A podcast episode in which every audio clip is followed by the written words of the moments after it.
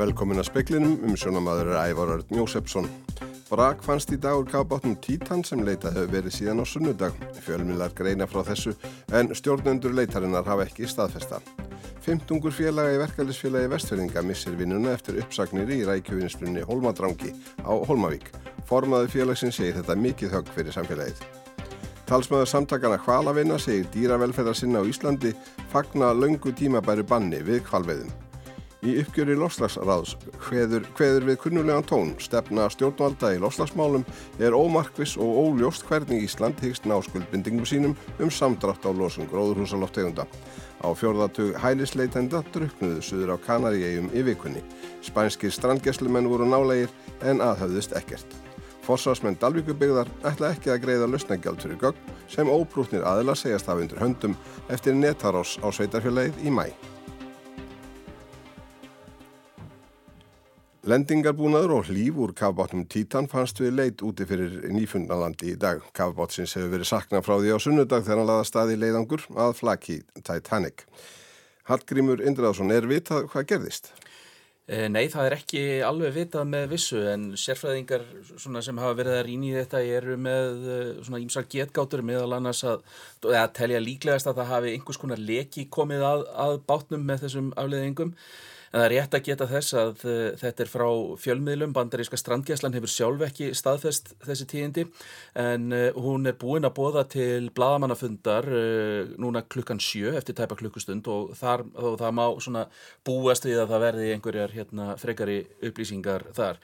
En það má segja að þetta hefur verið árangur af því að, að það var tölvert bætt í leitina í, í dag það hafa verið um tíu skipi leit flest frá bandarækjunum og Kanada og með einhvers konar uh, leitarbúnað neðansjáar og, og uh, það var einmitt slíkur búnaður sem kom auga á þetta brak sem svo reyndist vera af kaðbónum en við gerum ráð fyrir því að það leiki frekar upplýsingar fyrir eftir þá rúma klukkustund þegar uh, bandaríska strandgæslan heldur sinn upplýsingafund fyrir fjölmiðla. En leit hefur ekki verið hægt? Ekki svo að ég viti, það, það er, skipin eru allavega ennþá á, á fullu við einhvers konar uh, aðtuganir þannig að, þannig að menn eru allavega ekki hættir á vettvangi. Takk fyrir þetta allgjörmur. Og uppsagnir í rækjuvinslunum Holmadrangi á Holmavík voru rættar á íbúáfundi í dag. Rækjuvinslu var hættar fyrir þessum, fyrir þessum mánuði, 20 mistu vinnuna en þar hefur rækja verið unninum ára bil. Forsvarsmenn vinsluna sögðu starfseminna ekki lengur arðbæra. Holmadrangur fór í greislustöðum 2018 en þá kefti útgerðarfélagi samherri í vinsluna. Ekki tókst að snúa reksturinn mér rétt horf og því var ákveðið að hætta starfseminni. Fimbogi Sveinbjörnsson, formadur verkaðisfélags vestfyrðinga, segir uppsagninnar mikið högg fyrir samfélagið. Þetta er gríðarlega stort umfangi og við horfum bara á félagsmenn verkaðisfélags vestfyrðinga þá er þetta helmingur allra sem að starfa á, á almennu vinnumarkaði hér. Þetta eru 20% af félagsmönnum okkar hér á svæðinu sem missa vinnuna hérna í einu vettvangi. Og uh, þetta er fyrirtæki sem hefur verið hérna burðarásum í atvinnlífi hér, skapa stöðu að vinnu, stöðu að tekjur til uh, íbúa hérna á svæðinu. Og geta treyst á uh, að væri rækjuvinsla en þetta er alltaf ríkarlega erfitt þegar, þegar svona aðgerðir eru framkvæmdar. Er þetta högg fyrir samfélagi? Algjörlega. Sæði Finnbúi Sveinbjörnsson, örður Öllugstóttir talaði við hann. Talsmaður samtakana Hvalaveina segir dýravenduna sinna á Íslandi fagna löngu tímabæru banni við kvalveðum. Tekjutap fyrirtækja og einstaklinga sé aukaðatrið þegar brotið hafi verið gegn lögum um dýravelferð. Samtökum dýravelferð á Íslandi, náttúru vendar samtök Íslands, ungir umhverfis sinnar á samt fleirum, hafa undanfarin ár barist í saminningu gegn kvalveiðum á Íslandi undir heitinu Kvalavinir. Þau fögnuðu því ákaft þegar matvælar á þeirra tilkynnti að bannaðirði að veiða langreiðar á veiðitímabili sumarsins sem áttu að hefjast degi síðar. Þessi ákvarðun hefur vakið mikla aðtikli og verið hart um hana deilt. Mikil kerkja er við kvalfjörð vegna bansins og hefur verið búðað til íbúafundar á Akranesi í kvöld. Þángað hafa dýraverndar sinnar, sveitarstjórnar fólk og matvælar á þeirra búðað komu sína.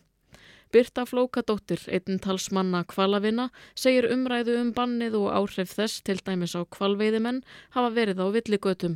Þetta er bara svo mikilvægt mál og snýst um að veiðarnar brjóti í báa með lögum velferð dýra. Hún segir dýravelferðar sinna hérlendis á einu máli um að ákvörðun ráð þeirra hafi verið fagleg og rétt að henni staðið. Niðurstaða fagráðsins sé afdráttar laus. Þau efnahags áhrif sem ákvörðun ráð þeirra hafi lúti í lagra haldi gegn rétti dýrana til lífs og velferðar. Þetta er bara svarta kvítu hvernig í málum liggur og það eru bara fjórða hvort dýr er, er að heia mjög langt dauðastrýð og það er það sem að máli snýst um og bara má ekki gleymast. Sæði Birta Flókadóttir, Ólaf Rún Ellensdóttir tók saman. Karlmaðurum Fertugt var í dag í hérastómi Reykjanes úrskurðaður í gæsluvarðhald til 19. júli vegna rannsóknar lauruglu á andláti Karlmanns í Hafnarferði um helgina. Varðhaldið er framlengt um fjórar vikur en fimm daga gæsluvarðhald áttið að renna út í dag. Í tilkynningu frá lauruglu segir að rannsókn málsins miði vel en ekki verði veittar nánari upplýsingar um hana að svo stöttu. Menninni tveir þekktust en talið er að sá sem lést hafi verið stungin til bana. Kortavelta erlendra ferðamanna innanlands fyrstu fimm mánuði ársins hefur aukist töluvert með við síðast ár. Framkvæmdastjóri samtaka ferðarþjónustunar segi tíðindin jákvæð. Á fyrstu fimm mánuðum ársins var kortavelta erlendra ferðamanna innanlands um 108 miljardar íslenskra króna. Mun meiri en á sama tíma í fyrra þegar hún var 73 miljardar króna. Þetta kemur fram í Hagsjá hagfræðildar landsbónkans.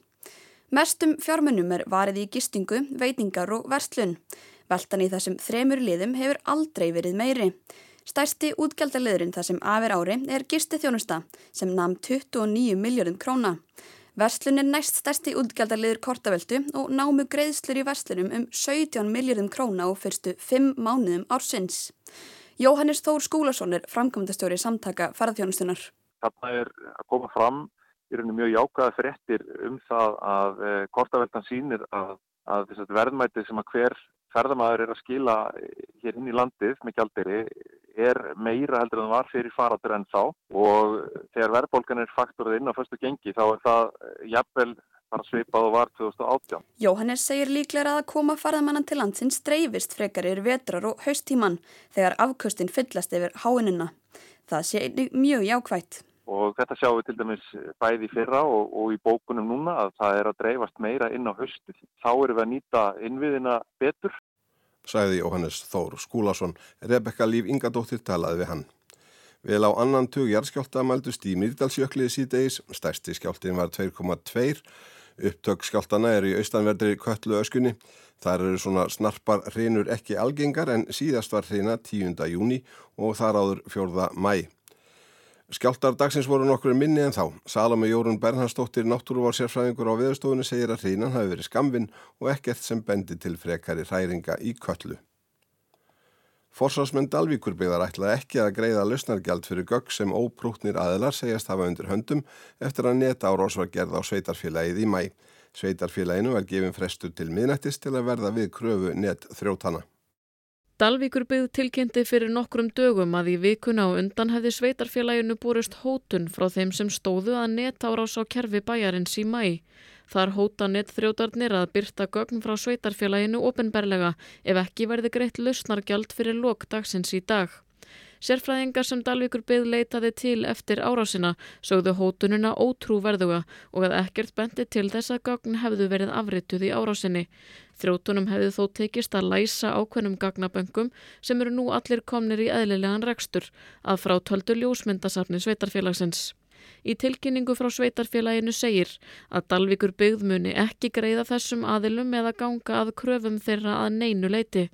Sérfræðingar ítrekka að yngar vísbendingar séu um að netþrótarnir hafi komist yfir gögn úr kerfinu sem geymir ímsar viðkvamar upplýsingar til dæmis um velferðarþjónustu bæjarins. Hins vegar sé ekki hægt að útiloka að gögn verði byrt eða nýtt með einhverjum hætti. Starfsfólk Dalvíkur byggðar sem og íbúar eru kvött til að láta vita ef þau verða vör við eitthvað sem mætti tengja netárásinni eða afleiðingum hennar. Ólefur Rún Erlendsdóttir sæði frá. Lofslagsráð er sjálfstætt ráðskip að 15 fulltrúum stjórnvalda, vísindarsamfélagsins, umhverfisvendarsamtaka, atvinnureikenda, launþegarhefingarinnar og fleiri. Megin hlutar þess er að veita stjórnvöldum aðhald með fagleiri ráðgjöfum lofslagsmál í áliti eða áfangaskíslu ráðsins sem byrt var í júni fyrra ítrekkaði það fyrri áskorun til stjórnvalda frá desember 2021 um að framfylgja af mun meiri festu þeim ákvarðunum sem þegar hafi verið teknar og hraða frekari stefnubreitingum og aðgerðum í lofslagsmálum. Markmiðum samdrátti í losun gróðurhúsaloftegunda fyrir 2030 séu óljós og ófullnægjandi og nöðsynlegt að stjórnvöld skýri og útfæri þau nánar. Þá sé framkvæmt aðgerðar áætlunar í lofslagsmálum ómarkvis eins og lofslagsráð hafi áður bent á. Auka þurfi samdrátt hratt með samstiltu og velskipuluðu átaki allra og til að ná því markmiðið þurfi að fara af undirbúnings á framkvæmdastig og meta árangur með mun öflugri greiningum en nú er beitt. Í liðinni viku byrti svo loslasráð uppgjör fjögur ára skipuna tíma síns og þar kveður við kunnuglegan tón því ráðið ítrekkar hinnar marg ítrekkuðu áhyggjur sínar sem hér úr rættar og bætir í frekarinn hitt. Segir að færa þurfi stjórnsýslustig loslasmála upp á neyðarstig. Speillin spurði Haldur Þorgesson, formann loslasráðs, hvort þessi kunnulegi tótin í uppgjörinu þýtti að stjórnvöld hefði ekki farið aðraðgjöf þess hingað til. Ég myndi ekki lýsa því þannig, ævari. Uh, sko, þetta er feikilega krefjandi verkefni. Það sem hefur kannski ekki gerst og þetta er kannski svona grunn baráttan. Við hefum ekki uh, kannski gert okkur nægilega, og þá er ég að tala um þjóðina í hild, uh, en það skiptir náttúrulega miklu máli að kjörni fulltrúar séu skiljið þetta að eh, við erum að tala um miklu dýbri og, og, og sneggri breytingar heldur en margir gerir sig grein fyrir. Og það kallar á miklu þjættari samþættingu uh, til dæmis innan ríkistjóðnarinnar heldur en að hefur náðust.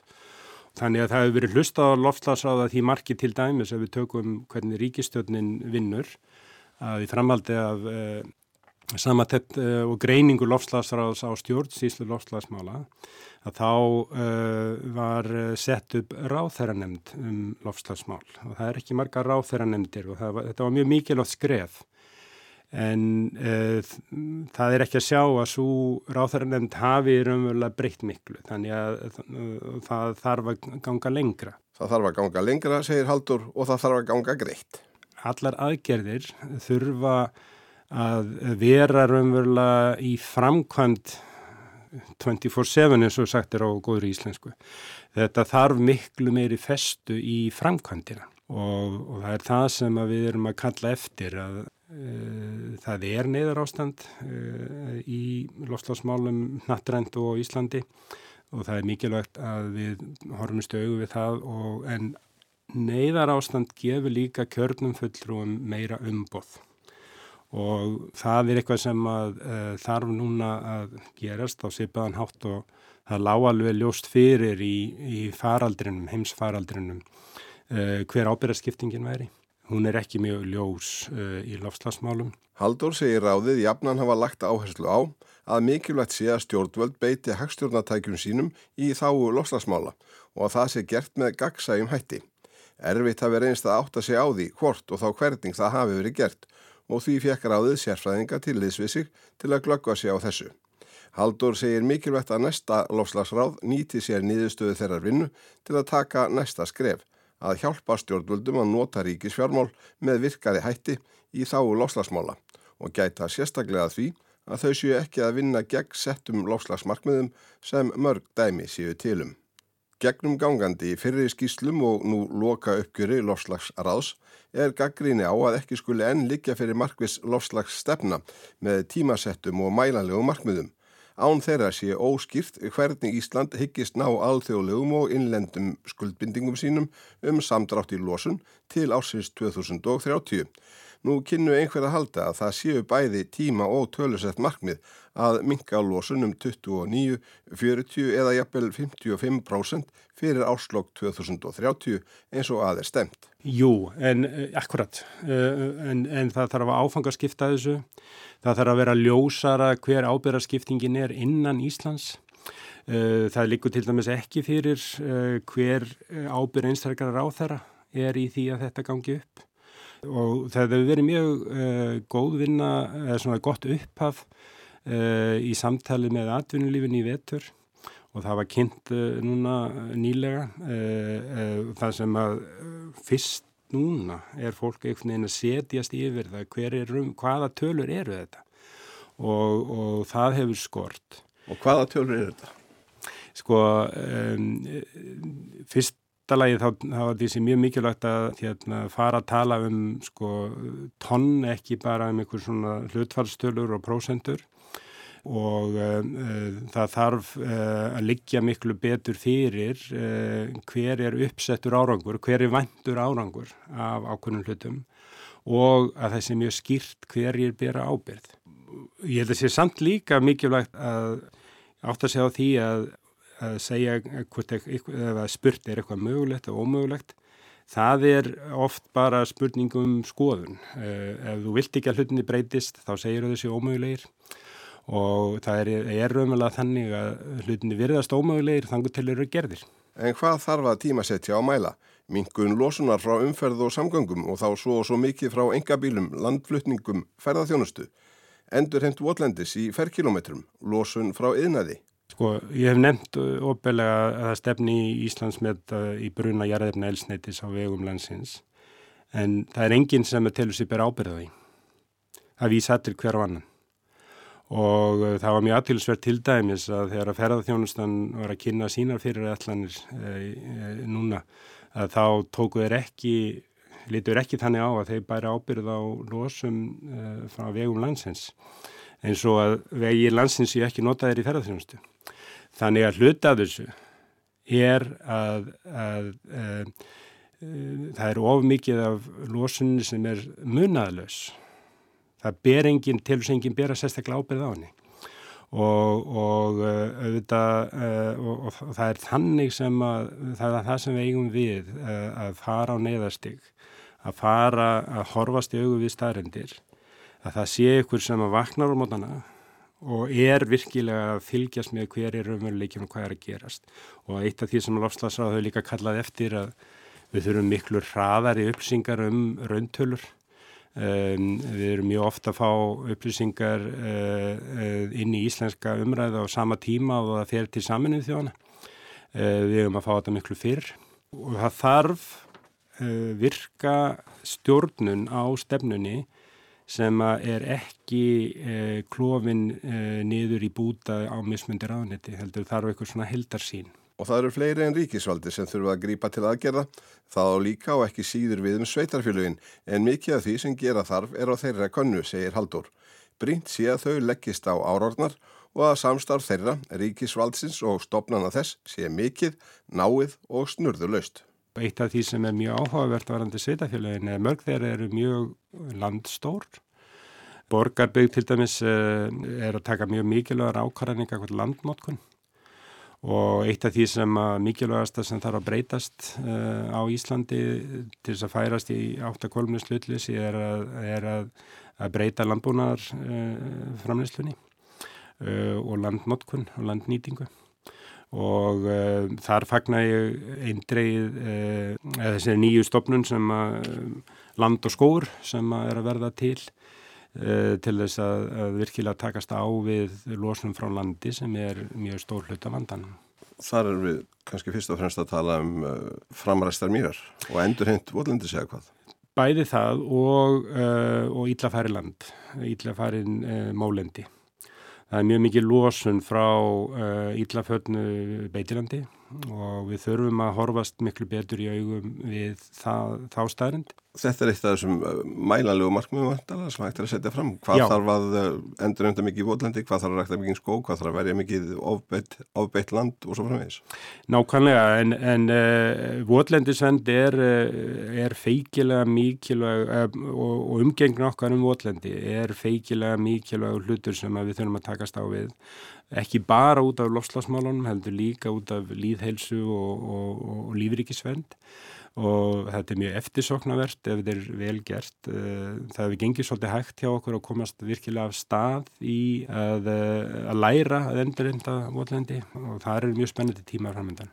Sæði Haldur Þorgesson, nánar verður rættið hann í speiklinum á morgun, fastu dag.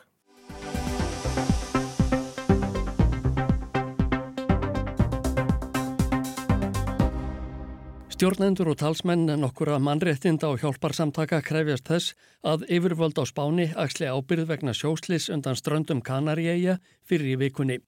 Þá fórstar gummibátur með að minnstakosti 60 hælisleitendum. 24 var bjargaðum borði í marokkóskan varðbát, tvö lík hafa fundist. Nákvæmar upplýsingar líka ekki fyrir um fjölda látina. Helena Maleno Garsson, stjórnandi samtakana Caminato Fronteras, fullirðir að 39 hælisleitendur hafi druknað, þar á meðal fjórar konur og barn. Talsmaður sjálfbóðaliða samtakana Alarm Phone segir að 35 sé saknað. Yfirvöld á Spáni og í Marokko hafa hvorki staðfest upplýsingar um fjöldan nýja vísa þeim á bug. Að sögnu Spænska ríkisútvarpsins kom fólkið frá strandbænum Abu Qatar eða Cabo Bojuador í Marokko. Áhöfn spænskrar eftirlitsflugvilar kom auga á bátinn á þriðudag. Björgunarskip var sendt á vettvang. Áhöfn þess að það vist ekkert þar sem marokkóska strandgæslan tilkynnti að hún ætlaði að sjá um björgunina. Þegar varðbátur frá henni kom á vettvang um nóttina var bátur flótafólksins Sokkin um 162 km sunnan við kanarísku eiguna Gran Canaria. Helena Maleno segir að félagar sínir í Caminando Fronteras hafi vitað af því að gummibátur fullur af flótafólki hefði lagt á allans af með stefnuna á Kanariæjar. Hún hvaðst hafa beðið yfir völdum að koma fólkinu til aðstóðar en ekki hafi verið brugðist við því. Hún fordæmir aðgerðaleysi á hafnar spænska strandgæslu skipsins sem beigð skamt frá gumibotnum og hefði geta komist til hans á innan við einni klukkustund. Það eru ekkit annað en pyntingar að býða í 12 klukkustundir skamt frá fjölda fólks í sjávarháska og aðhafast ekkert hefur spænska ríkisútvarpið eftir Helenu Maleno. Hún byrti að frantfærsla á samfélagsmiðlum þar sem hún lísti spánverjum við Greikki.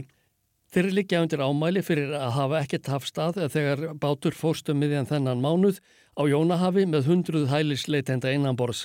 Upplýsingar um fjöldan eru á reiki. Á vef Alarmfón samtakana segir að um 600 hafi druknað undan ströndum bæjarins Pílós í Greiklandi aðeins nokkrum dögum eftir að leiðtóar Evrópusambandsins samþyktu að skerða en frekar rétt fólks til að leita hælis innan sambandsríkjana. Í hópnum var fjöldi kvenna og barna að sögn samtakana. Eftir slísið undan ströndum Greiklands saði Jeremy Lawrence, talsmaður ennbættis mannréttindastjóra saminuðu þjóðana, að grípa erði snarlega til aðgerða til að koma í vekk fyrir að slikt endur tæki sig. What happened on Wednesday underscores the need to investigate people smugglers and human traffickers and ensure they are brought to justice. Það sem gerðist á miðvíkudag, það er 14. júni, undirstrykkar nöðsinn þess að fylgjast með þeim sem stundar smikla á fólki millir landa og stundar mannsal og draga þá fyrir rétt, saði Lorenz og bætti við. Mannreittindastjóri sameinuðu þjóðana leggur á það áherslu að stjórnvöld tryggi að hælisleitendur sem er bjargað af hafi fái mannsæmandi móttökur þegar komið er með þá að landi. Einnig að komið verði á fóta óháðu eftirliti með stefnu og starfsháttum yfirvalda sem hafa með málefni flotta fólks að gera. Eftir að fyrir lág að tugir hefðu druknað í fyrir nóttundan ströndum Gran Canaria skrifaði Angel Viktor Torres, fórseti heimastjórnarinnar og Kanariægjum á Twitter að hann harmaði slísið. Hann skrifaði að framt að Evrópusambandið yrði að koma sér saman um samræmdar aðgerðir vegna ströms hælisleitenda og flóta fólks til aðildar landana. Hælisleitendur streyma svo sannarlega þessa dagana frá löndum í Norður Afríku til Evrópulanda. AFP fréttastofan greindi í síðdegis frá hópi sem lagði af stað á báti frá Agadir í Marokko sunnudaginn 11. júni og hugðist komast til Kanaríeia. Haft er eftir bróður eins hælisleitandans að 51 hafi verið um borð. Ekkert hefur til þeirra spurst. Yfirvöldi í Marokko vildu ekkert tjá sig um málið þegar AFP fréttastofan leitaði eftir upplýsingum um hvarfið. Áskeið Tómásson tók saman.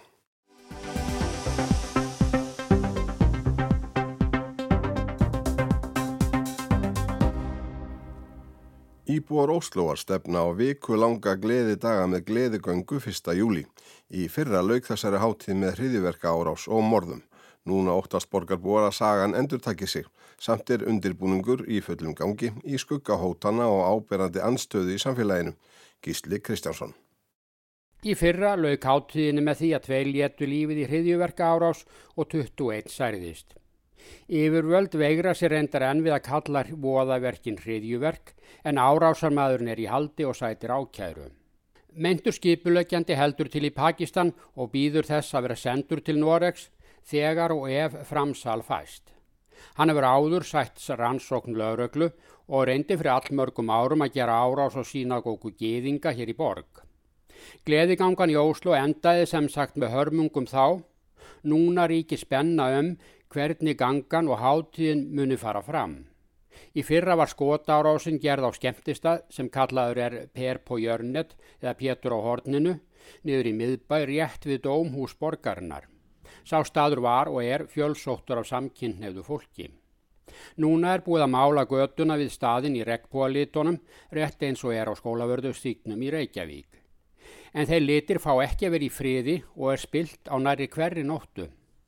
Gleði gangan og gleði dagarnir eiga að standa í viku en sæta nú andstöðu og jafnvel óta og ólíkt því sem áður var og þar kemur margt til. Eitt er vantraust á störfum lauröglu og árvekni. Ný skísla um aðdraganda árásarinnar og per på jönnet í fyrra hefur sínt að leinilauröglan vissi fyrirfram að hætta vofði yfir. Fekk ábendingu frá leini þjónustu hersins um eitthvað miðsjátt væri undirbúningi. Nún er fullirt í skýslunni að lögreglan hefði út frá þessari ábendingu geta fundið út hvaða menn stæðu að baki. En leita þeim hóst aldrei vegna þess að starfsmenn leinilögreglu fór í helgarfrí. Núna spyr fólk sig hvort áruveknu og viðbúnaðu lögreglu dugi til að tryggja öryggi þeirra en sækja dagskrá gleðidagana. Þetta varpar skugga á undirbúningin núna, sjálf gleði gangan er áætlu þista júli. Mörg dæmur í sumar um að skipuleggjandum gleðidagana byrjist hótanir. Fyrir sumar átt að halda gleðigöngu skólabarna í Björgvin en var aflýst vegna hótana.